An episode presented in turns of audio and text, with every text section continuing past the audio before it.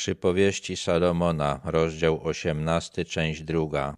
Kto odpowiada, zanim wysłucha, zdradza swoją bezmyślność i naraża się na hańbę. Aby mądrze odpowiedzieć, trzeba najpierw wysłuchać. To oznacza, że nie można odpowiadać, zanim nasz rozmówca nie wypowie się, i to oznacza, że zanim odpowiemy, trzeba nie tylko poczekać, aż nasz rozmówca przestanie mówić, ale wysłuchać tego, co on ma do powiedzenia i zastanowić się nad tym, co powiedział. Według słów Salomona zdradzamy swoją bezmyślność i narażamy się na hańbę bardzo często. Człowiek dzielnego ducha wytrzyma chorobę, lecz ducha strapionego kto podniesie? Salomon uważał, że cierpienia duchowe są znacznie gorsze od cierpień fizycznych. W swoich przypowieściach kilkakrotnie przedstawia tą prawdę. Serce rozumne nabywa mądrości, a ucho mędrców szuka wiedzy. To jest kolejna prawda, którą Salomon wielokrotnie przedstawia w swoich przypowieściach. Aby nabywać mądrości, trzeba już być mądrym. Takie nastawienie uwagi i serca, które pozwala zdobywać mądrość, już jest mądrością. Dary torują człowiekowi drogę i prowadzą go przed wielkich.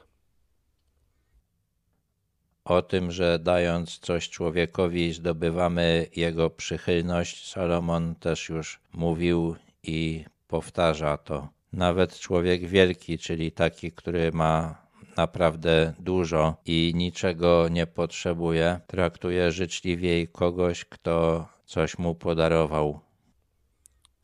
Słuszność ma ten, kto pierwszy występuje w sprawie, lecz gdy przychodzi jego przeciwnik, bierze go na spytki. Oczywiście niekoniecznie ten, kto pierwszy przemawia w sądzie, ma rację, ale temu, kto go słucha, tak się będzie wydawać. Dopiero kiedy wystąpi jego przeciwnik, będzie można zobaczyć drugą stronę zagadnienia. Dlatego zawsze trzeba wysłuchać drugiej strony, zanim się zajmie stanowisko w jakimś sporze, a już zwłaszcza wtedy, kiedy trzeba w tej sprawie wydać wyrok. Salomon, będąc królem, był też sędzią i wiedział, co mówi. Los kładzie kres sporom i rozstrzyga sprawę między możnymi.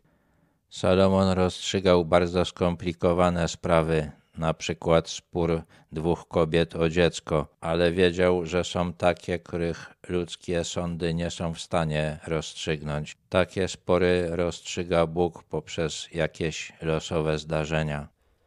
Brat oszukany mocniejszy stawia opór niż warowny gród, a jego upór jest jak zasuwy pałacu. Jeśli ktoś padnie ofiarą oszustwa ze strony osoby, którą uważał za bliską, to uraz, którego doznaje, jest bardzo trwały. Temu, kto go oszukał, trudniej będzie zdobyć jego zaufanie niż warowny gród. Właściciel pałacu stara się, aby miał on dobre zamki, a oszukany dokłada starań, aby dobrze się zabezpieczyć przed tym, który go oszukał. Z owocu swoich ust nasyca człowiek swoje wnętrze, syci się plonem swoich warg. Śmierć i życie są w mocy języka, lecz kto nim zyskuje przyjaciół, korzysta z jego owocu.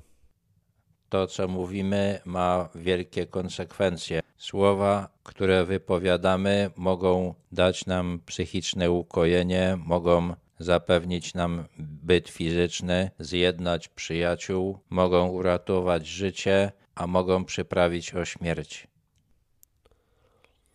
Kto znalazł żonę, znalazł coś dobrego i zyskał upodobanie u Pana. Salomon uważał, że dobrą żonę znajdzie człowiek, któremu Bóg pomoże jej szukać. Nie widział innego sposobu na udane małżeństwo. Ubogi odzywa się błagalnie, a bogacz odpowiada surowo. Nasz sposób zachowania zależy w dużym stopniu od naszej sytuacji materialnej. Są bliźni, którzy przywodzą do zguby, lecz nie jeden przyjaciel jest bardziej przywiązany niż brat. Bliźni to człowiek, który jest blisko nas. Poza tym, że jest blisko, nic nas z nim nie musi łączyć. Bywa, że ktoś taki jest dla nas zagrożeniem, ale może się okazać dla nas większym błogosławieństwem niż ktoś z, na z naszej rodziny.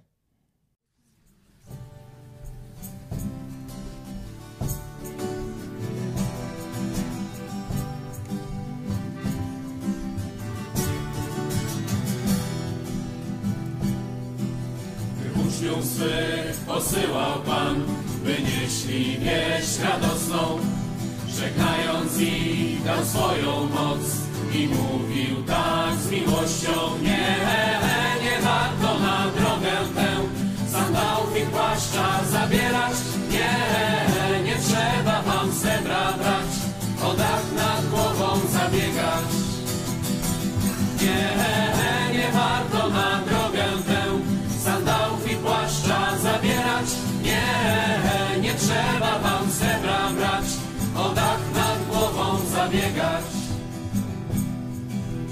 Nowinę tę głosili więc po czterech stronach świata.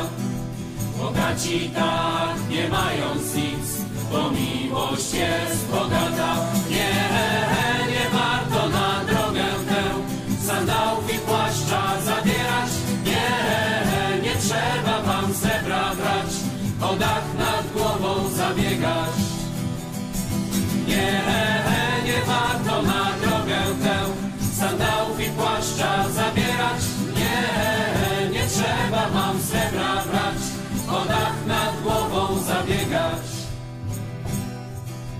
Gdy ukończyli żniwo swe, ostatnią drogę ruszyli.